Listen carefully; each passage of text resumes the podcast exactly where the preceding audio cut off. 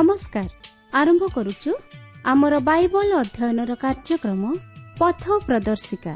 ପବିତ୍ର ବାଇବଲ କହେ ହେ ପରିଶ୍ରାନ୍ତ ଭାରଗ୍ରସ୍ତ ଲୋକ ସମସ୍ତେ ମୋ ନିକଟକୁ ଆସ। ମୁଁ ତୁମମାନଙ୍କୁ ବିଶ୍ରାମ ଦେବି। ଆସନ୍ତୁ ସେହି ଜୀବନଦାତାଙ୍କର ପରିଚୟ ପାଇ ଜୀବନରେ ବାସ୍ତବ ଶାନ୍ତି ଓ ମୁକ୍ତି ପାଇବା ନିମନ୍ତେ ଶୁଣିବା ବେତାର କାର୍ଯ୍ୟକ୍ରମ ପଥ ପ୍ରଦର୍ଶିକା।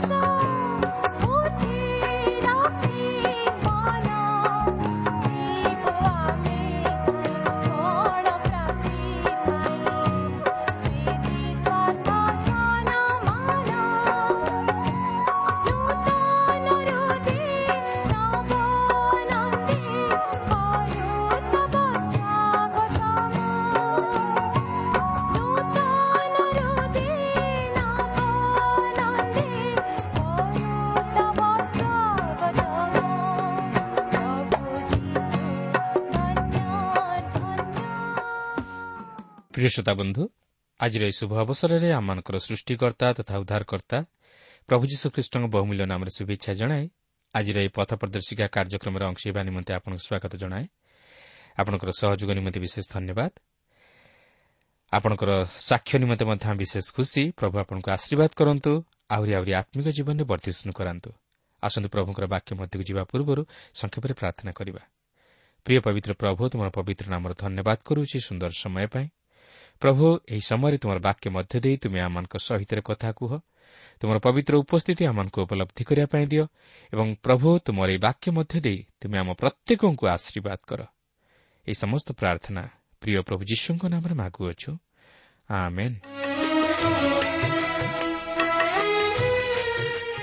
ଆସନ୍ତୁ ବର୍ତ୍ତମାନ ଆମେ ପ୍ରଭୁଙ୍କର ବାକ୍ୟ ମଧ୍ୟକୁ ଯିବା। ଆଜି ଆମେ ଦ୍ୱିତୀୟ ରାଜାବଳୀ ପୁସ୍ତକର ଦଶ ଓ ଏଗାର ପର୍ବ ଦୁଇଟିକୁ ଅଧ୍ୟୟନ କରିବା ନିମନ୍ତେ ଯିବା। ଏହି ପର୍ବରେ ମଧ୍ୟ ଆମେ ଆହବଙ୍କ ପରିବାର ଉପରେ ଈଶ୍ୱରଙ୍କର ବିଚାର ବର୍ତ୍ତିବାର ଲକ୍ଷ୍ୟ କରିବାକୁ ପାରିବା ଯାହାକି ସେହି ଯେଉଁଙ୍କ ଦ୍ୱାରା ଈଶ୍ୱର ଆହବଙ୍କ ପରିବାର ପ୍ରତି ଘଟାଇଲେ। ଗତ ପାଠରେ ଆମେ ଦେଖିଥିଲୁ ଯେହୁ କେବଳ ଆହବଙ୍କର ପୁତ୍ର ଜୋରାମଙ୍କୁ ବଧ କରିନଥିଲେ ଏଥିସହିତ ସେ ଇସ୍ରାଏଲ୍ର ରାଜା ଅହସ୍ୟଙ୍କୁ ମଧ୍ୟ ବଧ କଲେ ଓ ଆହାବଙ୍କର ରାଣୀ ଇସେବଲଙ୍କୁ ମଧ୍ୟ ବଧ କଲେ। ସଦାପ୍ରଭୁଙ୍କ ବାକ୍ୟ ଅନୁଯାୟୀ ଇସେବଲ ମଲେ ଓ ତାହାଙ୍କର ଶବକୁ କୁକୁରମାନେ ଚାଟି ଖାଇଲେ। ଏପରିକି ସମାଧି କ୍ରିୟା ନିମନ୍ତେ ମଧ୍ୟ ତାହାଙ୍କର ମର ଶରୀରରୁ କିଛି ରହିଲା ନାହିଁ। କିନ୍ତୁ ଏତିକିରେ ମଧ୍ୟ ଆହବଙ୍କର ପରିବାର ପ୍ରତି ଈଶ୍ୱରଙ୍କର କ୍ରୋଧରୂପ ବିଚାର ସମାପ୍ତ ହେଲା ନାହିଁ। ତାଙ୍କର ବାକ୍ୟ ପ୍ରମାଣେ ତାହାଙ୍କର ବଂଶ ମଧ୍ୟରୁ କୌଣସି ପୁଂ ସନ୍ତାନ ଯେପରି ଅବଶିଷ୍ଟ ନ ରୁହନ୍ତି ଏଥିନିମନ୍ତେ ସେ ଜେହୁଙ୍କ ଦ୍ୱାରା ସେମାନଙ୍କୁ ବିନାଶ କଲେ ଯାହାକି ଆମେ ଏହି ଦଶ ପର୍ବରେ ମଧ୍ୟ ତାହା ଲକ୍ଷ୍ୟ କରିବାକୁ ଯିବା। ଦେଖନ୍ତୁ ଦ୍ୱିତୀୟ ରାଜାବଳୀ ଦଶ ପର୍ବର ପ୍ରଥମ ତିନି ପଦରେ ଏହିପରି ଲେଖା ଅଛି ସମରିଆରେ ଆହବଙ୍କର ସତୁରୀ ପୁତ୍ର ଥିଲେ। ଏଣୁ ଜେହୁ ସମରିଆରେ ଜିସ୍ରିଏଲ୍ର ଅଧ୍ୟକ୍ଷଗଣ ପ୍ରାଚୀନମାନଙ୍କୁ ଓ ଆହବଙ୍କର ପୁତ୍ରମାନଙ୍କ ପ୍ରତିପାଳକମାନଙ୍କ ନିକଟକୁ ଏହିପରି ପତ୍ରମାନ ଲେଖି ପଠାଇଲେ ଯଥା ତୁମାନଙ୍କ ପ୍ରଭୁର ପୁତ୍ରଗଣ ତୁମାନଙ୍କ ନିକଟରେ ଅଛନ୍ତି। ପୁଣି ରଥ ଓ ଅଶ୍ୱଗଣ ମଧ୍ୟ ଏକ ପ୍ରାଚୀର ବେଷ୍ଟିତ ନଗର ଓ ଅସ୍ତ୍ରଶସ୍ତ୍ର ତୁମମାନଙ୍କର ହସ୍ତଗତ ଅଛି। ଏଥୁ ତୁମେମାନଙ୍କ ନିକଟରେ ଏହି ପତ୍ର ଉପସ୍ଥିତ ହେବା ମାତ୍ର ତୁମେମାନେ ଆପଣା ପ୍ରଭୁର ପୁତ୍ରଗଣ ମଧ୍ୟରୁ ସର୍ବାପେକ୍ଷା ଉତ୍ତମ ଓ ଉପଯୁକ୍ତ ଜଣକୁ ବାଛ ଓ ତାହାକୁ ତାହାର ପିତାର ସିଂହାସନରେ ବସାଅ ଓ ତୁମେମାନେ ଆପଣା ପ୍ରଭୁର ବଂଶ ପକ୍ଷରେ ଯୁଦ୍ଧ କର। ଏଠାରେ ଜେହୁ ଆହାବଙ୍କର ପୁତ୍ରମାନଙ୍କୁ ଇସ୍ରାଏଲ୍ର ରାଜସିଂହାସନ ଅଧିକାରୀ ହେବା ନିମନ୍ତେ ସେମାନଙ୍କ ନିଜ ନିଜ ମଧ୍ୟରେ ଯୁଦ୍ଧ କରିବା ପାଇଁ ସୁଯୋଗ ଦେଉଛନ୍ତି କିନ୍ତୁ ସେହି ସତୁରୀ ପୁତ୍ରଙ୍କ ମଧ୍ୟରେ କେହି ହେଲେ ଯେଉଁଙ୍କ ସହିତ ମୁକାବିଲା କରିବା ପାଇଁ ଛିଡ଼ା ହେବାକୁ ସାହସ କରିନଥିଲେ। କାରଣ ସେମାନେ ଯେଉଁଙ୍କ ବିଷୟରେ ଜାଣିଥିଲେ।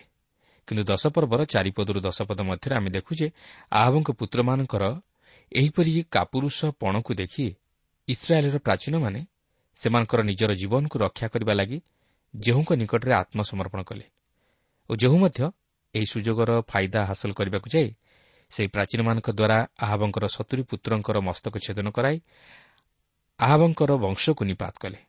ସଦାପ୍ରଭୁଙ୍କର ବାକ୍ୟ ଅନୁଯାୟୀ ଏହିସବୁ ଘଟିଲା ଯେପରି ଇସ୍ରାଏଲ୍ ଉପରେ ରାଜତ୍ୱ କରିବା ପାଇଁ ଆହବଙ୍କ ବଂଶ ମଧ୍ୟରୁ ଅବଶିଷ୍ଟ କେହି ଜୀବିତ ନ ରୁହନ୍ତି। ଏହାପରେ ଦଶ ପର୍ବର ଏଗାର ପଦରେ ଆମେ ଦେଖୁ ଯେ ଯେଉଁ କେବଳ ଆହବଙ୍କର ସତୁରୀ ପୁତ୍ରଙ୍କୁ ବଧ କରାଇଲେ ନାହିଁ ମାତ୍ର ଏଥିସହିତ ସେ ଆହବଙ୍କ ବଂଶର ଅବଶିଷ୍ଟ ସମସ୍ତଙ୍କୁ ଓ ତାହାଙ୍କ ପ୍ରଧାନ ଲୋକ ସମସ୍ତଙ୍କୁ ଓ ତାହାଙ୍କ ଆତ୍ମୀୟ ବନ୍ଧୁମାନଙ୍କୁ ଓ ତାହାଙ୍କର ଯାଜକମାନଙ୍କୁ ମଧ୍ୟ ବଧ କଲେ। ଏହା ଯଦିଓ ଅତି ଜଘନ୍ୟ କାର୍ଯ୍ୟ ଥିଲା ମାତ୍ର ସଦାପ୍ରଭୁଙ୍କ ଆଡ଼ୁ ଏହି ସମସ୍ତ ବିଷୟ ଘଟିଥିଲା। ଯେପରି ଆହବଙ୍କ ବଂଶ ମଧ୍ୟରେ କୌଣସି ପୁରୁଷ ଇସ୍ରାଏଲ୍ ରାଜସିଂହାସନର ଅଧିକାରୀ ନ ହୁଅନ୍ତି। ତେବେ ଜେହୁ କେବଳ ସେତିକିରେ ସନ୍ତୁଷ୍ଟ ହୋଇ ରହିଗଲେ ନାହିଁ। ମାତ୍ର ସେ ଜିହୁଦାର ବୟାଳିଶ ଜଣ ରାଜକୁମାରଙ୍କୁ ମଧ୍ୟ ବଧ କଲେ। ଦେଖନ୍ତୁ ଘଟଣାଟି ଏହିପରି ଘଟିଲା ଯାହାକି ଦଶ ପର୍ବର ବାର ପଦରୁ ଚଉଦ ପଦ ମଧ୍ୟରେ ଉଲ୍ଲେଖ ହୋଇଅଛି। ଆହବଙ୍କ ବଂଶର ସମସ୍ତଙ୍କୁ ବଦ୍ଧ କରିବା ପରେ ଯେହୁ ସେହି ସିଂହାସନର ଅଧିକାରୀ ହେବା ନିମନ୍ତେ ସମରିଆକୁ ଗଲେ। କିନ୍ତୁ ପଥ ମଧ୍ୟରେ ସେ ବୟାଳିଶ ଜଣ ରାଜକୁମାରଙ୍କୁ ଭେଟିଲେ ଯେଉଁମାନେ କି ଜିହୁଦାର ରାଜା ଅହସ୍ୟଙ୍କର ଭାଇମାନେ ଥିଲେ। ମାତ୍ର ସେମାନେ ଆହାବଙ୍କ ଲୋକମାନଙ୍କର ସପକ୍ଷ ଥିବାରୁ ସେ ସେମାନଙ୍କୁ ଜିଅନ୍ତା ଧରି ବଧ କଲେ। କିନ୍ତୁ ଏଠାରେ ଏକ କୌତୁହଳର ବିଷୟ ଲକ୍ଷ୍ୟ କରିବେ ଯେ ସେମାନଙ୍କ ମଧ୍ୟରୁ ଜଣେ ରକ୍ଷା ପାଇଯାଇଥିଲା ଆଉ ସେହି ଜଣକ ସାଉଲଙ୍କ ବଂଶଧର ଥିଲା। ଦଶ ପର୍ବର ପନ୍ଦର ପଦରେ ଆମେ ଦେଖୁ ଯେହୁ ସେହି ସମରିଆ ଗସ୍ତରେ ଥିବା ସମୟରେ ପଥ ମଧ୍ୟରେ ଜିହୋନାଦବକୁ ଭେଟିଲେ। ସେହି ଜିହୋନାଦବ ରେଖବର ପୁତ୍ର ଥିଲା ଓ ସେ ଅତି ପ୍ରଭାବଶାଳୀ ଥିଲା। ତେଣୁ ଯେହୁ ତାହାକୁ ପ୍ରଶ୍ନ କରୁଛନ୍ତି ତୁମ୍ଭେ ମୋହର ବନ୍ଧୁ ନା ଶତ୍ରୁ? ତେବେ ସେ ଜିହୋନାଦବଙ୍କଠାରୁ ସନ୍ତୋଷଜନକ ଉତ୍ତର ପାଇ ତାହାଙ୍କୁ ବଧ ନ କରି ତାହାଙ୍କ ରଥ ଉପରେ ବସାଇଲେ। କାରଣ ଜିହୋନାଦବ ଯେହୁଙ୍କର ସପକ୍ଷ ହେବେ ବୋଲି ଉତ୍ତର ଦେଇଥିଲେ ଓ ତାହାଙ୍କୁ ସାହାଯ୍ୟ କରିବେ ବୋଲି କହିଥିଲେ। ଓ ଯେହୁଙ୍କର କାର୍ଯ୍ୟକୁ ସମର୍ଥନ କରିଥିଲେ। ଏହାପରେ ଷୋହଳ ସତର ପଦରେ ଆମେ ଦେଖୁ ଯେ ଯେହୁ ସେହି ସମରିଆରେ ଉପସ୍ଥିତ ହୋଇ ସମରିଆରେ ଥିବା ଆହବଙ୍କର ଅବଶିଷ୍ଟ ସମସ୍ତଙ୍କୁ ବଧ କଲେ। କାରଣ ସଦାପ୍ରଭୁ ଏଲିୟ ଭବିଷ୍ୟତ ବକ୍ତାଙ୍କ ମୁଖ ଦେଇ ଆହବଙ୍କ ବଂଶ ବିରୁଦ୍ଧରେ ଯେଉଁ ବାକ୍ୟ ପ୍ରେରଣ କରିଥିଲେ ତାହା ଏହିପରି ଭାବେ ସଫଳ ହେବାକୁ ଥିଲା। ଯେହୁ ଦ୍ୱାରା ସଦାପ୍ରଭୁ ଆହବଙ୍କର ବଂଶଧରକୁ ସମୂଳେ ନିପାତ କଲେ। ଏହା ଥିଲା ଈଶ୍ୱରଙ୍କ ବିଚାର। କାରଣ ମନୁଷ୍ୟ ନିଜର କର୍ମଫଳ ନିଜେ ହିଁ ଭୋଗ କରେ। ଓ ତା'ର ସନ୍ତାନ ସନ୍ତତିମାନେ ମଧ୍ୟ ତାହା ଭୋଗ କରନ୍ତି। ପବିତ୍ର ବାଇବଲ କହେ ଭ୍ରାନ୍ତ ନ ହୁଅ ଈଶ୍ୱର ବିଦ୍ରୁପର ପାତ୍ର ନୁହନ୍ତି କାରଣ ମନୁଷ୍ୟ ଯାହା ବୁଣେ ତାହା ହିଁ ସେ କାଟିବ। ଏହାପରେ ଦଶ ପର୍ବର ଅଠରରୁ ଉଣେଇଶ ପଦରେ ଆମେ ଦେଖୁ ଯେ ଯେଉଁଙ୍କର ସେହି ନୃଶଂସତାର କାର୍ଯ୍ୟ ସେତିକିରେ ସମାପ୍ତ ହେଲା ନାହିଁ ସେ ଏହାପରେ ବାଲ୍ର ଭବିଷ୍ୟତ ବକ୍ତାମାନଙ୍କୁ ବଧ କରିବା ନିମନ୍ତେ ଏକ ଚକ୍ରାନ୍ତ କରି ବାଲ୍ ଦେବତାର ପୂଜା କରିବା ନିମନ୍ତେ ଓ ତାହା ନିକଟରେ ଏକ ମହାନ ବଳିଦାନ ଉତ୍ସର୍ଗ କରିବା ନିମନ୍ତେ ଏକ ମିଥ୍ୟା ପ୍ରତାରଣା କରି ବାଲ୍ର ସମସ୍ତ ଭବିଷ୍ୟତ ବକ୍ତାମାନଙ୍କୁ ଏକାଠି କରାଇଲେ। କିନ୍ତୁ ବାଲ୍ ଦେବତାର ଉପାସନା କରିବା ନିମନ୍ତେ ତାଙ୍କର କୌଣସି ମସୁଧା ନଥିଲା। ଯେତେବେଳେ ବାଲ୍ର ସମସ୍ତ ଭବିଷ୍ୟତ ବକ୍ତା ଏକତ୍ରିତ ହେଲେ ସେତେବେଳେ ସେ ସେମାନଙ୍କୁ ବଧ କଲେ। ବାଲ୍ ଦେବତା ଉଦ୍ଦେଶ୍ୟରେ ତାହାଙ୍କର ହୋମବଳି ଏକ କୂଟ ଚକ୍ରାନ୍ତ ଥିଲା ଓ ବାଲ୍ର ଭବିଷ୍ୟତ ବକ୍ତାମାନେ ମଧ୍ୟ ତହିଁର ଶିକାର ହେଲେ। ଏହାପରେ ଦଶ ପର୍ବର କୋଡ଼ିଏରୁ ଅଠେଇଶ ପଦ ମଧ୍ୟରେ ଆମେ ଦେଖୁ ଯେ ପ୍ରକୃତିରେ ଜେହୁଙ୍କର ଅତି ନୃଶଂସ କାର୍ଯ୍ୟ ଥିଲା। କିନ୍ତୁ ଏହା ଈଶ୍ୱରଙ୍କ ଇଚ୍ଛା ବିରୁଦ୍ଧ କାର୍ଯ୍ୟ ନଥିଲା। ଏହା ସଦାପ୍ରଭୁଙ୍କ ମହତ ଉଦ୍ଦେଶ୍ୟକୁ ସଫଳ କରିଥିଲା। ଜେହୁ ବାଲ୍ର ଭବିଷ୍ୟତ ବକ୍ତାମାନଙ୍କୁ ନୃଶଂସ ଭାବେ ହତ୍ୟା କଲେ ସେ ବାଲ୍ର ସ୍ତମ୍ଭ ଭାଙ୍ଗି ପକାଇଲେ ଓ ମନ୍ଦିର ମଧ୍ୟ ଭାଙ୍ଗି ପକାଇଲେ। ସେ ସେମାନଙ୍କୁ ସମୂଳେ ଉଚ୍ଛିନ୍ନ କଲେ। ଈଶ୍ୱର ମଧ୍ୟ ତାହା ଚାହୁଁଥିଲେ। ତେବେ ଜେହୁ ଯଦିଓ ଜଣେ ଉତ୍ତମ ରାଜା ନଥିଲେ ମାତ୍ର ସେ କେତେକ ପରିମାଣରେ ଈଶ୍ୱରଙ୍କ ଇଚ୍ଛା ଅନୁଯାୟୀ କାର୍ଯ୍ୟ କରି ତାହାଙ୍କର ଉଦ୍ଦେଶ୍ୟକୁ ସଫଳ କରିଥିବାରୁ ତାଙ୍କର ସନ୍ତାନମାନେ ଚତୁର୍ଥ ପୁରୁଷ ପର୍ଯ୍ୟନ୍ତ ଇସ୍ରାଏଲ୍ର ସିଂହାସନରେ ଉପବିଷ୍ଟ ହେବେ ବୋଲି ଈଶ୍ୱର ପ୍ରତିଜ୍ଞା କରିଥିଲେ। କିନ୍ତୁ ତାହାଙ୍କ ଜୀବନରେ ମଧ୍ୟ ତ୍ରୁଟି ଦେଖାଯାଇଥିଲା କାରଣ ସେ ନବାଟର ପୁତ୍ର ଜାରବ୍ୟାମଙ୍କର ପଦାଙ୍କ ଅନୁସରଣ କରିଥିଲେ। ଦଶପର୍ବର ଅଣତିରିଶ ପଦରେ ଆମେ ଦେଖୁ ଯେ ଜେହୁ ଯଦିଓ ବାଲ୍ର ଭବିଷ୍ୟତ ବକ୍ତାମାନଙ୍କୁ ଉଚ୍ଛିନ୍ନ କରିଥିଲେ ମାତ୍ର ସେ ଈଶ୍ୱରଙ୍କ ଭବିଷ୍ୟତ ବକ୍ତାମାନଙ୍କ ପ୍ରତି ଫେରି ନଥିଲେ ଜାରବ୍ୟାମ୍ ଯେଉଁ ଗୋବଶ୍ୟ ପ୍ରତିମା ସ୍ଥାପନ କରିଥିଲେ ସେ ସେହି ଗୋବଶ୍ୟକୁ ପୂଜା କଲେ। ସେ ଯଦିଓ ବାଲ୍ ଦେବତା ବା ସିଦୋନିୟମାନଙ୍କର ଦେବତାକୁ ପୂଜା କରିନଥିଲେ ମାତ୍ର ସେ ସେହି ମିଶରୀୟମାନଙ୍କର ଗୋବଶ୍ୟକୁ ପୂଜା କଲେ। ସେ ଜାରବ୍ୟାମ୍ଙ୍କର ପଦାଙ୍କ ଅନୁସରଣ କଲେ। ଜାରବ୍ୟାମ୍ ଜହିଁରେ ପାପ କଲେ ସେ ମଧ୍ୟ ସେହି ପାପର ଭାଗି ହେଲେ। ସେ ଜାରବ୍ୟାମ୍ଙ୍କ ପରି ଗୋବଶ୍ୟ ପ୍ରତିମାକୁ ପୂଜା କରିବାକୁ ଲାଗିଲେ ଯାହାକି ଈଶ୍ୱରଙ୍କର ବିରୁଦ୍ଧାଚରଣ କାର୍ଯ୍ୟ ଥିଲା। କିନ୍ତୁ ଯେହୁ ଯଦିଓ ଇସ୍ରାଏଲ୍ର ପରମେଶ୍ୱରଙ୍କ ନିକଟକୁ ଫେରି ନଥିଲେ ମାତ୍ର ସେ ଇସ୍ରାଏଲ୍ର ପରମେଶ୍ୱରଙ୍କର ସପକ୍ଷ ହୋଇ ସେହି ବାଲ୍ ଦେବତାର ଉପାସକମାନଙ୍କୁ ଓ ତହିଁର ଉପାସନାକୁ ଉଚ୍ଛିନ୍ନ କରିଥିବାରୁ ଓ ଆହାବ ବଂଶକୁ ସମୂଳେ ନିପାତ କରିଥିବାରୁ ଈଶ୍ୱରଙ୍କ ଦୃଷ୍ଟିରେ ଯଥାର୍ଥ କର୍ମ କରିଥିଲେ ଓ ଈଶ୍ୱର ତହିଁର ପ୍ରତିଦାନରେ ତାହାଙ୍କୁ ଜାଗତିକ ପୁରସ୍କାରରେ ପୁରସ୍କୃତ କରିଥିଲେ। ତାହା ହେଉଛି ଯେ ସେ ତାହାଙ୍କ ବଂଶର ରାଜତ୍ୱ କାଳ ଚତୁର୍ଥ ପୁରୁଷ ପର୍ଯ୍ୟନ୍ତ ବୃଦ୍ଧି କରିଥିଲେ। ଏହାପରେ ଦଶ ପର୍ବର ତିରିଶ ପଦରେ ଆମେ ଦେଖୁ ଯେ ଲେଖା ଅଛି। ଏଉତାରେ ସଦାପ୍ରଭୁ ଯେଉଁଙ୍କୁ କହିଲେ ଆମ୍ଭ ଦୃଷ୍ଟିରେ ଯାହା ଯଥାର୍ଥ ତାହା ସାଧନ କରି ତୁମ୍ଭେ ଭଲ କରିଅଛ ଓ ଆମ୍ଭ ମନରେ ଯାହା ଯାହା ଥିଲା ତଦନୁସାରେ ତୁମ୍ଭେ ଆହବ ବଂଶ ପ୍ରତି କରିଅଛ। ଏହେତୁ ଚତୁର୍ଥ ପୁରୁଷ ପର୍ଯ୍ୟନ୍ତ ତୁମ୍ଭର ସନ୍ତାନମାନେ ଇସ୍ରାଏଲ୍ର ସିଂହାସନରେ ଉପବିଷ୍ଟ ହେବେ। ଏହା ଥିଲା ଜେହୁଙ୍କ ପ୍ରତି ସଦାପ୍ରଭୁଙ୍କର ଜାଗତିକ ପୁରସ୍କାର ଯେହେତୁ ସେ ଇସ୍ରାଏଲ୍ର ସଦାପ୍ରଭୁଙ୍କ ଦୃଷ୍ଟିରେ ଯଥାର୍ଥ କର୍ମ କରିବାରୁ ସେ ତାହାଙ୍କୁ ଜାଗତିକ ପୁରସ୍କାରରେ ପୁରସ୍କୃତ କଲେ। ମାତ୍ର ପ୍ରକୃତରେ ଜେହୁ ଈଶ୍ୱରଙ୍କ ପ୍ରତି ଫେରି ନଥିଲେ କି ତାହାଙ୍କର ଉପାସନା କରିନଥିଲେ ଏହାପରେ ଦଶ ପର୍ବର ଏକତିରିଶ ପଦରେ ଆମେ ଦେଖୁ ଯେ ଯାହା ଜଣାଯାଏ ଜେହୁ ମୂର୍ତ୍ତି ପୂଜାରେ ଆସକ୍ତ ଥିଲେ। ଜାରବ୍ୟାମ୍ ଯେଉଁପରି ଭାବେ ପ୍ରତିମା ପୂଜା କରି ପାପରେ ପତିତ ହେଲେ ଜେହୁ ମଧ୍ୟ ତଦ୍ରୁପ କଲେ। ଈଶ୍ୱରଙ୍କର ଯାହା ଘୃଣାର ବିଷୟ ଥିଲା ଜେହୁ ତାହା ହିଁ କଲେ। ସେ ଯଦିଓ ବାଲ୍ର ଉପାସନା କଲେ ନାହିଁ ମାତ୍ର ଗୋବଶ୍ୟକୁ ପୂଜା କଲେ ଯଦ୍ୱାରା ଈଶ୍ୱରଙ୍କର କ୍ରୋଧ ମଧ୍ୟ ଇସ୍ରାଏଲ୍ ପ୍ରତି ବର୍ତ୍ତିଲା। ଏହାପରେ ଦଶ ପର୍ବର ବତିଶ ପଦରେ ଆମେ ଦେଖୁ ଯେ ଲେଖା ଅଛି ସେ ସମୟରେ ସଦାପ୍ରଭୁ ଇସ୍ରାଏଲ୍କୁ ଉଣା କରିବାକୁ ଲାଗିଲେ। ପୁଣି ହସାଏଲ୍ ଇସ୍ରାଏଲ୍ର ସମସ୍ତ ସୀମାରେ ସେମାନଙ୍କୁ ଆଘାତ କଲା। ଦେଖନ୍ତୁ ଏଠାରେ କ'ଣ ଘଟିବା ପାଇଁ ଯାଉଅଛି। ସେହି ଉତ୍ତର ରାଜ୍ୟ ଅର୍ଥାତ୍ ଇସ୍ରାଏଲ୍ ରାଜ୍ୟ ବନ୍ଦିତ୍ୱାବସ୍ଥା ଭୋଗ କରିବା ନିମନ୍ତେ ପ୍ରସ୍ତୁତ ହେଉଛନ୍ତି। ଏହି ସମୟଠାରୁ ସେମାନେ ପତନର ସମ୍ମୁଖୀନ ହେବା ପାଇଁ ଯାଉଅଛନ୍ତି। ଯାହାର ଅନ୍ତିମ ପରିଣତି ଘୋର ଦୁଃଖଦାୟକ। ସେମାନେ ଶତ୍ରୁ ହସ୍ତରେ ବନ୍ଦୀ ହୋଇ ନିର୍ବାଚିତ ହେବେ। ଏହି ପ୍ରକାର ସେମାନେ ଶତ୍ରୁ ସମ୍ମୁଖରେ ହାସ୍ୟାସ୍ପଦ ହେବାକୁ ଯାଉଅଛନ୍ତି। ସେମାନେ ଅରାମୀୟମାନଙ୍କ ଦ୍ୱାରା ନିର୍ବାଚିତ ହେବାକୁ ଯାଉଅଛନ୍ତି। ଏହାପରେ ଦଶ ପର୍ବର ତେତିଶରୁ ଛତିଶ ପଦ ମଧ୍ୟରେ ଆମେ ଦେଖୁ ଯେ ଯେଉଁଙ୍କର ମୃତ୍ୟୁ ବିଷୟରେ ଲେଖା ଅଛି। ଆଉ ଏହି ପର୍ବଟି ଯେଉଁଙ୍କର ମୃତ୍ୟୁରେ ହିଁ ସମାପ୍ତ ହୋଇଅଛି ଯେ କି ଅଠେଇଶ ବର୍ଷ ଧରି ଇସ୍ରାଏଲ୍ର ରାଜା ହୋଇଥିଲେ ଓ ରାଜତ୍ୱ କରିଥିଲେ। କିନ୍ତୁ ଏଠାରେ ଆମେ ଏକ ଆଶ୍ଚର୍ଯ୍ୟର ବିଷୟ ଦେଖୁଅଛୁ ଯେ ଯେହୁ ଇସ୍ରାଏଲ୍ର ଈଶ୍ୱରଙ୍କ ଦୃଷ୍ଟିରେ ଯଥାର୍ଥ କର୍ମ କରିଥିବାରୁ ଈଶ୍ୱର ମଧ୍ୟ ତାହାଙ୍କର ବଂଶକୁ ଚତୁର୍ଥ ପୁରୁଷ ପର୍ଯ୍ୟନ୍ତ ଇସ୍ରାଏଲ୍ ଉପରେ ରାଜତ୍ୱ କରିବା ନିମନ୍ତେ ସୁଯୋଗ ଦେଇଥିଲେ। ହଁ ସେ ଯଦିଓ ଚତୁର୍ଥ ପୁରୁଷ ପର୍ଯ୍ୟନ୍ତ ସନ୍ତାନମାନଙ୍କ ଉପରେ ସେମାନଙ୍କ ପୈତୃକ ଅପରାଧର ପ୍ରତିଫଳଦାତା ସେ ମଧ୍ୟ ଚତୁର୍ଥ ପୁରୁଷ ପର୍ଯ୍ୟନ୍ତ ସନ୍ତାନମାନଙ୍କ ଉପରେ ସେମାନଙ୍କ ପୈତୃକ ଆଜ୍ଞାବହତାର ଆଶୀର୍ବାଦକାରୀ ଈଶ୍ୱର। ସେ ଅଭିଶାପ ଦେଇପାରନ୍ତି ଓ ଆଶୀର୍ବାଦ ମଧ୍ୟ କରିପାରନ୍ତି। ପ୍ରିୟ ବନ୍ଧୁ ଈଶ୍ୱର ନ୍ୟାୟବାନ ଓ ପ୍ରତିଜ୍ଞାରେ ବିଶ୍ୱସ୍ତ ପରମେଶ୍ୱର। ସେ ପ୍ରତ୍ୟେକ ଲୋକକୁ ତାହାର କର୍ମାନୁଯାୟୀ ପ୍ରତିଫଳ ଦିଅନ୍ତି। କେବଳ ତାହାକୁ ନୁହେଁ ମାତ୍ର ତାହାର ସନ୍ତାନମାନଙ୍କୁ ମଧ୍ୟ। କିନ୍ତୁ ଆମେ କ'ଣ ଏଥିନିମନ୍ତେ ସତର୍କ ଅଛୁ କି?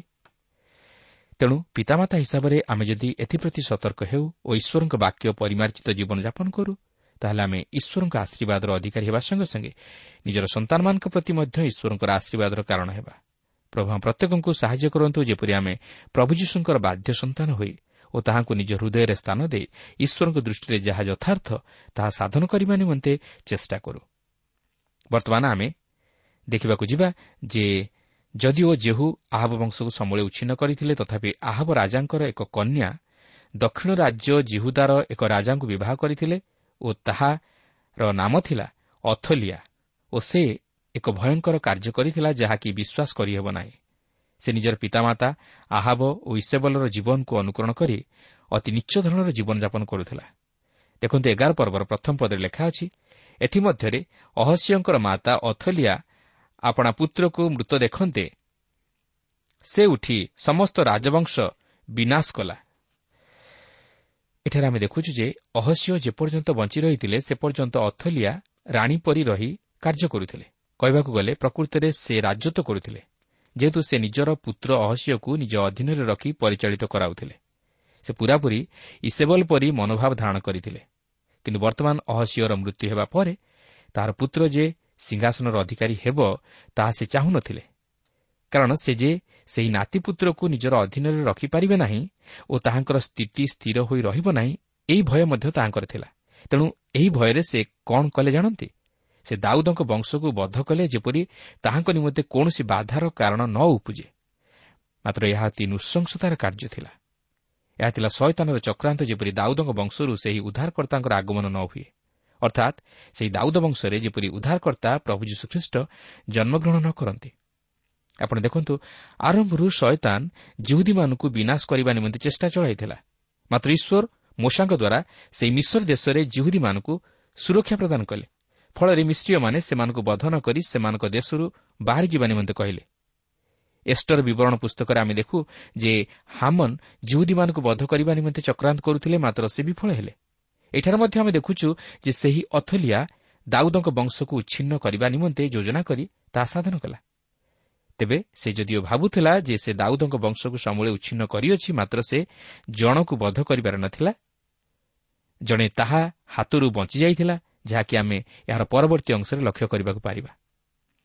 ଏହାପରେ ଏଗାର ପର୍ବର ଦୁଇ ଓ ତିନି ପଦରେ ଆମେ ଦେଖୁ ଯେଉଁ ପୁତ୍ରଟି ଅଥଲିଆର ହସ୍ତରୁ ବର୍ତ୍ତି ଯାଇଥିଲା ତାହାର ନାମ ଜୟାସ। ଅହସିଓର ଭଗିନୀ ଜିହୋ ସେବା ତାହାକୁ ରକ୍ଷା କରିଥିଲା।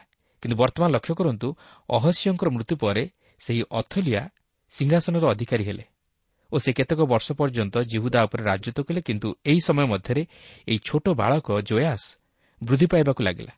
ତେଣୁ ଦେଖନ୍ତୁ ଏହାପରେ କ'ଣ ଘଟିବା ପାଇଁ ଯାଉଅଛି। ଏଗାର ପର୍ବର ଚାରିପଦରେ ଲେଖା ଅଛି ଅନନ୍ତର ସପ୍ତମ ବର୍ଷରେ ଜିହୋ ୟାଦା ଲୋକ ପଠାଇ କରିୟମାନଙ୍କର ଓ ପ୍ରହରୀ ବର୍ଗର ଶତପତିମାନଙ୍କୁ ଅଣାଇ ସଦାପ୍ରଭୁଙ୍କ ଗୃହକୁ ଆପଣା କତିକି ନେଲା। ଆଉ ସେ ସେମାନଙ୍କ ସହିତ ନିୟମ କରି ସଦାପ୍ରଭୁଙ୍କ ଗୃହରେ ସେମାନଙ୍କୁ ଶପଥ କରାଇ ରାଜପୁତ୍ରଙ୍କୁ ଦେଖାଇଲା।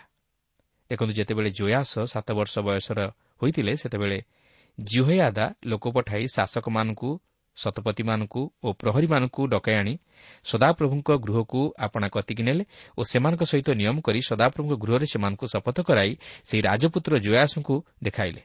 ଏତଦ୍ୱାରା ସେ ସେମାନଙ୍କୁ ଜଣାଇଦେଲେ ଯେ ରାଜାଙ୍କର ଏକ ପୁତ୍ର ଅଛି ଓ ଦାଉଦଙ୍କ ବଂଶରେ ସିଂହାସନର ଅଧିକାରୀ ହେବା ନିମନ୍ତେ ଏବେ ମଧ୍ୟ ପୁତ୍ର ସନ୍ତାନ ଅଛନ୍ତି। ତେଣୁ ସେମାନେ ଜୟାସଙ୍କ ବିଷୟ ଶୁଣିବା ମାତ୍ରେ ଆନନ୍ଦିତ ହେଲେ ଓ ସେମାନେ ଭରସାପ୍ରାପ୍ତ ହେଲେ। ଏହି ବିଷୟ ଶୁଣିବା ପରେ ସେମାନେ ଅଥଲିଆକୁ ସେହି ସିଂହାସନରୁ ହଟେଇ ଦେବାକୁ ଚେଷ୍ଟା କଲେ। କାରଣ ସେମାନେ ମଧ୍ୟ ସେହି ଅଥଲିଆର କାର୍ଯ୍ୟକଳାପ ନେଇ କ୍ଷୁବ୍ଧ ହୋଇଯାଇଥିଲେ। ସେମାନଙ୍କ ମଧ୍ୟରେ କୌଣସି ଶାନ୍ତି ବା ଆନନ୍ଦ ନଥିଲା। ସେହି ଅଥଲିଆ ଅତି ଭୟଙ୍କର ନାରୀ ଥିଲା। ଏଗାର ପର୍ବର ପାଞ୍ଚ ପଦରୁ ସାତ ପଦ ମଧ୍ୟରେ ଆମେ ଦେଖୁଛୁ ସେହି ରାଜପୁତ୍ର ଜୟାସୁକୁ ସୁରକ୍ଷା ପ୍ରଦାନ କରିବାକୁ ଯାଇ ପ୍ରତ୍ୟେକ ଲୋକ ସଶସ୍ତ୍ର ସହିତ ସେହି ପୁତ୍ରକୁ ଘେରି ରହିଥିଲେ ଯେପରି ସେହି ପୁତ୍ରକୁ କେହି ବଧ ନ କରିପାରନ୍ତି। କାରଣ ସେହି ଅଥଲିଆ ଯେପରି ସେହି ରାଜପୁତ୍ରକୁ ବଧ ନ କରେ ଏଥିନିମନ୍ତେ ସେମାନେ ଏହିପରି ପଦକ୍ଷେପ ଗ୍ରହଣ କରିଥିଲେ। ଯଦିଓ ଜୟାସ ଅଥଲିଆଙ୍କର ନାତିପୁତ୍ର ଥିଲେ ମାତ୍ର ତଥାପି ଅଥଲିଆ ତାହାଙ୍କୁ ନିଶ୍ଚିତ ଭାବେ ବଧ କରିଦେଇଥାନ୍ତେ କାରଣ ସେ ସେହିପରି ନୃଶଂସ ପ୍ରକୃତିର ନାରୀ ଥିଲେ। ସେ ଇସେବଲଠାରୁ କୌଣସି ଗୁଣରେ କମ୍ ନଥିଲେ। ତାଙ୍କ ହୃଦୟରେ କୌଣସି ଦୟାମୟ ନଥିଲା। ତେଣୁକରି ସେହି ରାଜପୁତ୍ର ଜୟାସ ଲୋକମାନଙ୍କ ସମ୍ମୁଖକୁ ଅଣାଯିବା ପର୍ଯ୍ୟନ୍ତ ସୁରକ୍ଷା ପ୍ରଦାନ କରାଯାଇଥିଲେ। ଏହାପରେ ଏଗାର ପର୍ବର ଏଗାର ବାର ପଦରେ ଆମେ ଦେଖୁ ଯେ ବାସ୍ତବରେ ଦକ୍ଷିଣ ରାଜ୍ୟ ନିମନ୍ତେ ଏହି ଦିନଟି ଏକ ମହାନ ଦିନ ଥିଲା। କାରଣ ସେମାନେ ଦାଉଦଙ୍କ ବଂଶ ମଧ୍ୟରୁ ଜଣେ ରାଜପୁତ୍ରଙ୍କୁ ରାଜପଦରେ ଅଭିଷେକ କରିବା ନିମନ୍ତେ ସୁଯୋଗ ପାଇଥିଲେ। ହଁ ସେହି ସମୟର ପରିସ୍ଥିତିକୁ ଦୃଷ୍ଟି ଆଗରେ ରଖି ଚିନ୍ତା କଲେ। ଏହା ଯଦିଓ ସେତେଦୂର ଉତ୍ସାହଜନକ ବିଷୟ ନ ଥିଲା ମାତ୍ର ଏହାର ପରବର୍ତ୍ତୀ ସମୟ ନିମନ୍ତେ ଏକ ଆନନ୍ଦ ତଥା ଉତ୍ସାହଜନକ ଥିଲା ଯେହେତୁ ଦାଉଦ ବଂଶରୁ ସେମାନେ ଜଣେ ରାଜପୁତ୍ରଙ୍କୁ ପାଇପାରିଥିଲେ। ଏହାପରେ ଏଗାର ପର୍ବର ତେର ପଦରେ ଆମେ ଦେଖୁ ଯେ ଏହି ଅଥଲିଆ ସେହି ରାଜାଙ୍କର ଅଭିଷେକ ଉତ୍ସବକୁ ଆମନ୍ତ୍ରିତ ହୋଇନଥିଲା ମାତ୍ର ସେ ସେହି ସିଓନ୍ ପର୍ବତ ଉପରେ ଦାଉଦଙ୍କ ରାଜପ୍ରାସାଦ ମଧ୍ୟରେ ରହିଥିଲା ଯାହାକି ମନ୍ଦିର ଅଞ୍ଚଳର ନିକଟରେ ଥିଲା। ତେଣୁ ଯେତେବେଳେ ଏହି ଅଭିଷେକ ଉତ୍ସବର ଆନନ୍ଦର କୋଳାହଳ ଶବ୍ଦ ସେ ଶୁଣିବାକୁ ପାରିଲା ସେତେବେଳେ ଅଥଲିଆ ତାହା ଦେଖିବା ନିମନ୍ତେ ସେହି ମନ୍ଦିର ଅଞ୍ଚଳକୁ ବାହାରିଗଲା। ସେ ସେହି କୋଳାହଳର ରବ ସମ୍ପର୍କରେ କିଛି ଜାଣିବା ନିମନ୍ତେ ଚାହିଁଲା। ଏଗାର ପର୍ବର ଚଉଦ ପଦରେ ଆମେ ଦେଖୁ ଯେ ଲେଖା ଅଛି ପୁଣି ସେ ଦୃଷ୍ଟିପାତ କରନ୍ତି ଦେଖ ରାଜା ବିଧି ଅନୁସାରେ ସ୍ତମ୍ଭ ନିକଟରେ ଠିଆ ହୋଇଅଛନ୍ତି ଓ ରାଜାଙ୍କ ନିକଟରେ ସେନାପତିମାନେ ଓ ତୁରୀ ବାଦକମାନେ ଅଛନ୍ତି ପୁଣି ଦେଶର ସମଗ୍ର ଲୋକ ଆନନ୍ଦ କରୁଅଛନ୍ତି ଓ ତୁରୀ ବଜାଉଅଛନ୍ତି। ଏଥିରେ ଅଥଲିଆ ଆପଣା ବସ୍ତ୍ର ଚିରି ରାଜଦ୍ରୋହ ରାଜଦ୍ରୋହ ବୋଲି ଡାକ ପକାଇଲା। ଏହିପରି କହିବା ଦ୍ୱାରା ଅଥଲିଆ ବିଦ୍ରୋହ କରିବା ନିମନ୍ତେ ଚକ୍ରାନ୍ତ କରୁଥିଲା। କାରଣ ଜୟାସ ଯେପରି ରାଜା ନ ହୁଏ ଏହା ତାହାର ପ୍ରଧାନ ଲକ୍ଷ୍ୟ ଥିଲା। ଦେଖନ୍ତୁ ଆହୁରି କ'ଣ ସବୁ ଘଟିବା ପାଇଁ ଯାଉଅଛି। ଏଗାର ପର୍ବର ପନ୍ଦରରୁ ଷୋହଳ ପଦରେ ଆମେ ଦେଖୁ ଯେ ଅଥଲିଆ ବାହାରି ପଳାଇଯିବାକୁ ଚାହିଁଲା କିନ୍ତୁ ତାହା ନିମନ୍ତେ ଉପଯୁକ୍ତ ବିଚାର କରି ନ୍ୟାୟ ଦେବାକୁ କେହି ନଥିଲେ। ଅର୍ଥାତ୍ ତାହାର ସପକ୍ଷରେ କୌଣସି ରାଜ୍ୟ ମଧ୍ୟ ଛିଡ଼ା ହେବାକୁ ନଥିଲେ। ତେବେ ସେମାନେ ତାହାର ହସ୍ତରୁ ରକ୍ଷା ପାଇବା ନିମନ୍ତେ ତାହାକୁ ବଧ କଲେ ଯେପରି ସେ ସେହି ରାଜପୁତ୍ର ନିମନ୍ତେ କଣ୍ଟକ ସ୍ୱରୂପ ନ ହୁଏ। ତେଣୁ ଏହିପରି ଭାବେ ସେମାନେ ତାହାର ହସ୍ତରୁ ରକ୍ଷା ପାଇଲେ ଓ ଏହା ମଧ୍ୟ ଉଚିତ ଥିଲା। ତାହା ନ ହୋଇଥିଲେ ସେହି ରାଜପୁତ୍ରର ଜୀବନ ସଙ୍କଟାପନ୍ନ ହୋଇଥାନ୍ତା। ତେବେ ଅଥଲିଆକୁ ବଧ କରିବା ଦ୍ୱାରା ଦାକ୍ଷିଣାତ୍ୟ ରାଜ୍ୟ ମଧ୍ୟରୁ ସେହି କଳାମେଘ ବାଦଲ ଦୂରେଇଗଲା ଏକ ନୂତନ ରାଜାଙ୍କର ଆଗମନ ହେଲା। କିନ୍ତୁ ପ୍ରକୃତିରେ ସେହି ରାଜା ଏକ ଛୋଟ ବାଳକ ଥିବାରୁ ଓ ତାହାଙ୍କର ଅଭିଜ୍ଞତା ନଥିବାରୁ ତାହାଙ୍କ ତରଫରୁ ରାଜକାର୍ଯ୍ୟ ପରିଚାଳନା କରିବା ନିମନ୍ତେ ପରାମର୍ଶଦାତାମାନଙ୍କର ଆବଶ୍ୟକତା ଅନୁଭୂତ ହେଲା ଓ ସେହି ପରାମର୍ଶଦାତାମାନଙ୍କ ମଧ୍ୟରେ ଜିହଇ ଆଦା ହେଉଛନ୍ତି ଅନ୍ୟତମ ଯିଏକି ଜୟାସଙ୍କୁ ସିଂହାସନରେ ବସାଇଥିଲେ ଓ ସେହି ଅଥଲିଆକୁ ବଧ କରାଇଥିଲେ। ଏହାପରେ ଏଗାର ପର୍ବର ସତର ପଦରେ ଆମେ ଦେଖୁ ଯେ ଏହା ଥିଲା ଇସ୍ରାଏଲ୍ର ସଦାପ୍ରଭୁଙ୍କ ଆଡ଼କୁ ଫେରିବାର ସମୟ। ଜିହୟାଦା ଯାଜକ ସଦାପ୍ରଭୁଙ୍କର ଉପାସନା ଆଡ଼କୁ ଲୋକମାନଙ୍କର ମନକୁ ବର୍ତ୍ତମାନ ଫେରାଇ ଆଣିବା ନିମନ୍ତେ ଏକ ଚାଳନା ଦେଇ ତହିଁର ନେତୃତ୍ୱ ନେବାକୁ ଯାଉଅଛନ୍ତି। କାରଣ ସେହି ସମୟରେ ବାଲ୍ ଦେବତାର ପୂଜା ଉପାସନା ପ୍ରଭାବ ବିସ୍ତାର କରିଥିଲା। ଏପରିକି ଏହା ଜିହୁଦା ପର୍ଯ୍ୟନ୍ତ ମଧ୍ୟ ବ୍ୟାପି ଯାଇଥିଲା। ଲୋକମାନେ ଯଦିଓ ଇସ୍ରାଏଲ୍ର ସଦାପ୍ରଭୁଙ୍କର ଉପାସନା ପ୍ରଭୃତି କରୁଥିଲେ ମାତ୍ର ସେମାନେ ମଧ୍ୟ ସେହି ସମୟରେ ବାଲ୍ ଦେବତାକୁ ପୂଜା କରୁଥିଲେ। ଏହାପରେ ଏଗାର ପର୍ବର ଅଠର ପଦରେ ଏହିପରି ଲେଖା ଅଛି ଏଉତାରି ଦେଶର ସମଗ୍ର ଲୋକ ବାଲ୍ ମନ୍ଦିରକୁ ଯାଇ ତାହା ଭାଙ୍ଗି ପକାଇଲେ ସେମାନେ ତାହାର ଯଜ୍ଞବିଧି ଓ ତାହାର ପ୍ରତିମା ସବୁ ସମ୍ପୂର୍ଣ୍ଣ ରୂପେ ଚୂର୍ଣ୍ଣ କଲେ ଓ ଯଜ୍ଞବିଧିମାନର ସମ୍ମୁଖରେ ବାଲ୍ର ଯାଜକ ମତନଙ୍କୁ ବଧ କଲେ। ପୁଣି ଯାଜକ ସଦାପ୍ରଭୁଙ୍କ ଗୃହରେ କର୍ମଚାରୀମାନଙ୍କୁ ନିଯୁକ୍ତ କଲା। ବାସ୍ତବରେ ଏହା ହିଁ ଥିଲା ଏକ ମହାନ ଆତ୍ମିକ ଆନ୍ଦୋଳନ ଏକ ବାସ୍ତବ ଉଦ୍ଦୀପନା ଯାହାକି ଇସ୍ରାଏଲ୍ର ଈଶ୍ୱର କୈନ୍ଦ୍ରିକ ଥିଲା। ଲୋକମାନେ ବାଲ୍ ଦେବତାର ପୂଜା ନ କରି ଇସ୍ରାଏଲ୍ର ସଦାପ୍ରଭୁ ପରମେଶ୍ୱରଙ୍କର ପୂଜା କରିବାକୁ ଲାଗିଲେ। ସେମାନେ ସର୍ବାନ୍ତକରଣ ସହିତ ଈଶ୍ୱରଙ୍କ ପ୍ରତି ଫେରିଲେ ଓ ଇସ୍ରାଏଲ୍ର ଈଶ୍ୱରଙ୍କୁ ଗୌରବ ଦେଲେ। ମାତ୍ର ବାଲ୍ ମନ୍ଦିରକୁ ଯାଇ ସେହି ମନ୍ଦିରକୁ ତହିଁର ଯଜ୍ଞବିଧି ସକଳକୁ ଓ ପ୍ରତିମା ସବୁକୁ ଭଗ୍ନ କରି ଚୂର୍ଣ୍ଣ କଲେ। ଈଶ୍ୱର ତାହା ହିଁ ସେମାନଙ୍କ ଜୀବନରୁ ଆଶା କରୁଥିଲେ। ଏହା ମଧ୍ୟ ବାସ୍ତବ ମନ ପରିବର୍ତ୍ତନ ଥିଲା। ଏହାପରେ ଏଗାର ପର୍ବର ଉଣେଇଶରୁ ଏକୋଇଶ ପଦ ମଧ୍ୟରେ ଲେଖା ଅଛି ପୁଣି ସେ ଶତପତିମାନଙ୍କୁ ଓ କରିୟମାନଙ୍କୁ ଓ ପ୍ରହରୀ ବର୍ଗକୁ ଓ ଦେଶର ସମଗ୍ର ଲୋକଙ୍କୁ ନେଲା। ତେଣୁ ସେମାନେ ସଦାପ୍ରଭୁଙ୍କ ଗୃହରୁ ରାଜାଙ୍କୁ ଆଣି ପ୍ରହରୀ ବର୍ଗର ଦ୍ୱାର ଦେଇ ରାଜଗୃହକୁ ଆସିଲେ। ଏଥିରେ ସେ ରାଜସିଂହାସନରେ ଉପବିଷ୍ଟ ହେଲେ। ଏହି ରୂପେ ଦେଶର ସମୁଦାୟ ଲୋକ ଆନନ୍ଦ କଲେ ଓ ନଗର ସୁସ୍ଥିର ହେଲା। ଆଉ ସେମାନେ ରାଜଗୃହ ନିକଟରେ ଅଥଲିଆକୁ ଖଡ଼ଗରେ ବଧ କଲେ। ଜୟାସ ସାତ ବର୍ଷ ବୟସରେ ରାଜ୍ୟ କରିବାକୁ ଆରମ୍ଭ କଲେ। ପ୍ରକୃତରେ ଏହା ଏକ ମହାନ ଆନନ୍ଦର ବିଷୟ ଥିଲା ଯେ ସେମାନେ ଦାଉଦଙ୍କ ବଂଶ ମଧ୍ୟରୁ ଜଣେ ରାଜାଙ୍କୁ ପାଇପାରିଲେ। ସେହି ଦୁଷ୍ଟା ସ୍ତ୍ରୀ ହସ୍ତରୁ ଉଦ୍ଧାର ପାଇଲେ ଓ ସେହି ବାଲ୍ର ପୂଜା ଉପାସନା ସେହି ଦେଶ ମଧ୍ୟରୁ ଦୂର ହୋଇଗଲା। ସେମାନେ ବର୍ତ୍ତମାନ ସବୁ ବିପଦରୁ ମୁକ୍ତ। ସେମାନଙ୍କର ଆନନ୍ଦର ସୀମା ମଧ୍ୟ ନାହିଁ। ସେମାନେ ସେମାନଙ୍କର ମନ ମୁତାବକ ଏକ ରାଜା ପାଇପାରିଛନ୍ତି। ସେମାନଙ୍କର ଅନେକ ଦିନର ଆଶା ପୂରଣ ହୋଇଛି। ବାସ୍ତବରେ ମନୁଷ୍ୟ ଯେତେବେଳେ ଈଶ୍ୱରଙ୍କ ପ୍ରତି ଫେରେ ସେତେବେଳେ ଈଶ୍ୱର ତାହାର ସପକ୍ଷ ହୋଇଥାନ୍ତି। ଜୟାସ ଯଦିଓ ଜଣେ ସାତ ବର୍ଷର ବାଳକ ଥିଲେ ମାତ୍ର ଈଶ୍ୱର ତାହାଙ୍କୁ ରାଜା ରୂପେ ମନୋନୀତ କଲେ। ସେ ଜିହୁଦା ଉପରେ ରାଜ୍ୟ କରିବାକୁ ଆରମ୍ଭ କଲେ। ତେବେ ଏହି ଜୟାସ କିପରି ରାଜତ୍ୱ କଲେ ତାହା ଆମେ ବାର ପର୍ବରେ ଅଧ୍ୟୟନ କରିବାକୁ ଯିବା। କିନ୍ତୁ ଏଠାରେ ଆମେ ଦେଖୁ ଯେ ଇସ୍ରାଏଲ୍ ଲୋକମାନଙ୍କ ଜୀବନରେ ଏକ ବାସ୍ତବ ମନ ପରିବର୍ତ୍ତନ। ସେମାନେ ଈଶ୍ୱରଙ୍କ ପ୍ରତି ଫେରିଲେ ଓ କେବଳ ଈଶ୍ୱରଙ୍କର ସେବା ପୂଜା ଆରାଧନା କଲେ। ସେମାନେ ସେହି ବାଲ ଦେବତାଠାରୁ ବିମୁଖ ହେଲେ। ଫଳତଃ ସେମାନେ ଈଶ୍ୱରଙ୍କ ଆଶୀର୍ବାଦର ଅଧିକାରୀ ହେଲେ। ପ୍ରିୟ ବନ୍ଧୁ ଯେପର୍ଯ୍ୟନ୍ତ ଆମମାନଙ୍କ ଜୀବନରେ ବାସ୍ତବ ପରିବର୍ତ୍ତନ ନାହିଁ ସେ ପର୍ଯ୍ୟନ୍ତ ଆମେ ଈଶ୍ୱରଙ୍କ ଆଶୀର୍ବାଦର ଅଧିକାରୀ ହୋଇପାରିବା ନାହିଁ କି ଶାନ୍ତିରେ ଜୀବନ ଅତିବାହିତ କରିପାରିବା ନାହିଁ। ଜିହୋୟାଦା ଯେଉଁ ପଦକ୍ଷେପ ନେଇଥିଲେ ଓ ଯେଉଁ ମହାନ ଆତ୍ମିକ ଆନ୍ଦୋଳନର ନେତୃତ୍ୱ ନେଇଥିଲେ ତାହା ଈଶ୍ୱରଙ୍କର ମହତ ଅଭିମତକୁ ସଫଳ କରିପାରିଥିଲା। ହଁ ଯେଉଁମାନେ ଈଶ୍ୱରଙ୍କ ସପକ୍ଷରେ ଛିଡ଼ା ହୁଅନ୍ତି ଈଶ୍ୱର ମଧ୍ୟ ସେମାନଙ୍କ ସପକ୍ଷରେ ରହି ସମସ୍ତ କାର୍ଯ୍ୟ ସାଧନ କରନ୍ତି। ତେଣୁ ଆସୁ ଈଶ୍ୱରଙ୍କ ନିମନ୍ତେ ଏକ ଦୃଢ଼ ପଦକ୍ଷେପ ନେଉ। ପ୍ରଭୁ ପ୍ରତ୍ୟେକଙ୍କୁ ଆଶୀର୍ବାଦ କରନ୍ତୁ।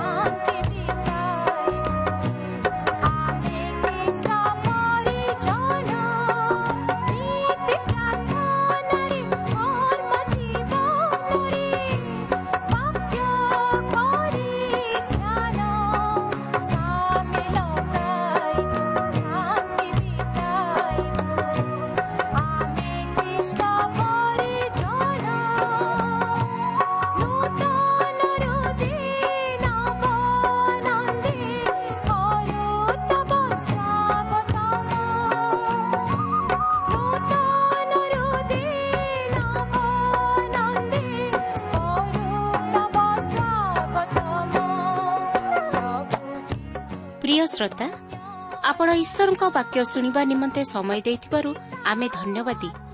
ଆପଣ ଯଦି ପ୍ରଭୁ ଯୀଶୁଙ୍କର ବାକ୍ୟ ବିଷୟରେ ଓ ତାହାଙ୍କର ପ୍ରେମ ବିଷୟରେ ଅଧିକ ଜାଣିବାକୁ ଚାହାନ୍ତି ଯାହାକି ଆପଣଙ୍କୁ ପାପରୁ ଉଦ୍ଧାର ପାଇବା ନିମନ୍ତେ ପଥ ଦେଖାଇବ ତାହେଲେ ଆମ ସହିତ ପତ୍ର ମାଧ୍ୟମରେ ଅଥବା ଟେଲିଫୋନ୍ ଯୋଗେ ଯୋଗାଯୋଗ କରନ୍ତୁ। ଆମର ଠିକଣା ପଥ ପ୍ରଦର୍ଶିକା Trans World Radio India post box number ତିନି ତିନି ଭୁବନେଶ୍ୱର ସାତ ପାଞ୍ଚ ଏକ ଶୂନ ଶୂନ ଏକ mobile number nine seven double seven double two one four one five ଠିକଣାଟି ଆଉଥରେ ଶୁଣନ୍ତୁ ପଥ ପ୍ରଦର୍ଶିକା Trans World Radio India post box number three three Bhubaneswar seven five one zero zero one mobile number nine seven double seven double two one four one five ଆମର email ଆଡ୍ରେସ୍ଟି ଲେଖି ରଖନ୍ତୁ Odia TTV at radio eight eight two dot com ତେବେ ଆଜି ପାଇଁ ଏଠାରେ ରଖୁଛୁ। ପ୍ରଭୁ ଯୀଶୁ ଆପଣଙ୍କୁ ଆଶୀର୍ବାଦ କରନ୍ତୁ। ନମସ୍କାର।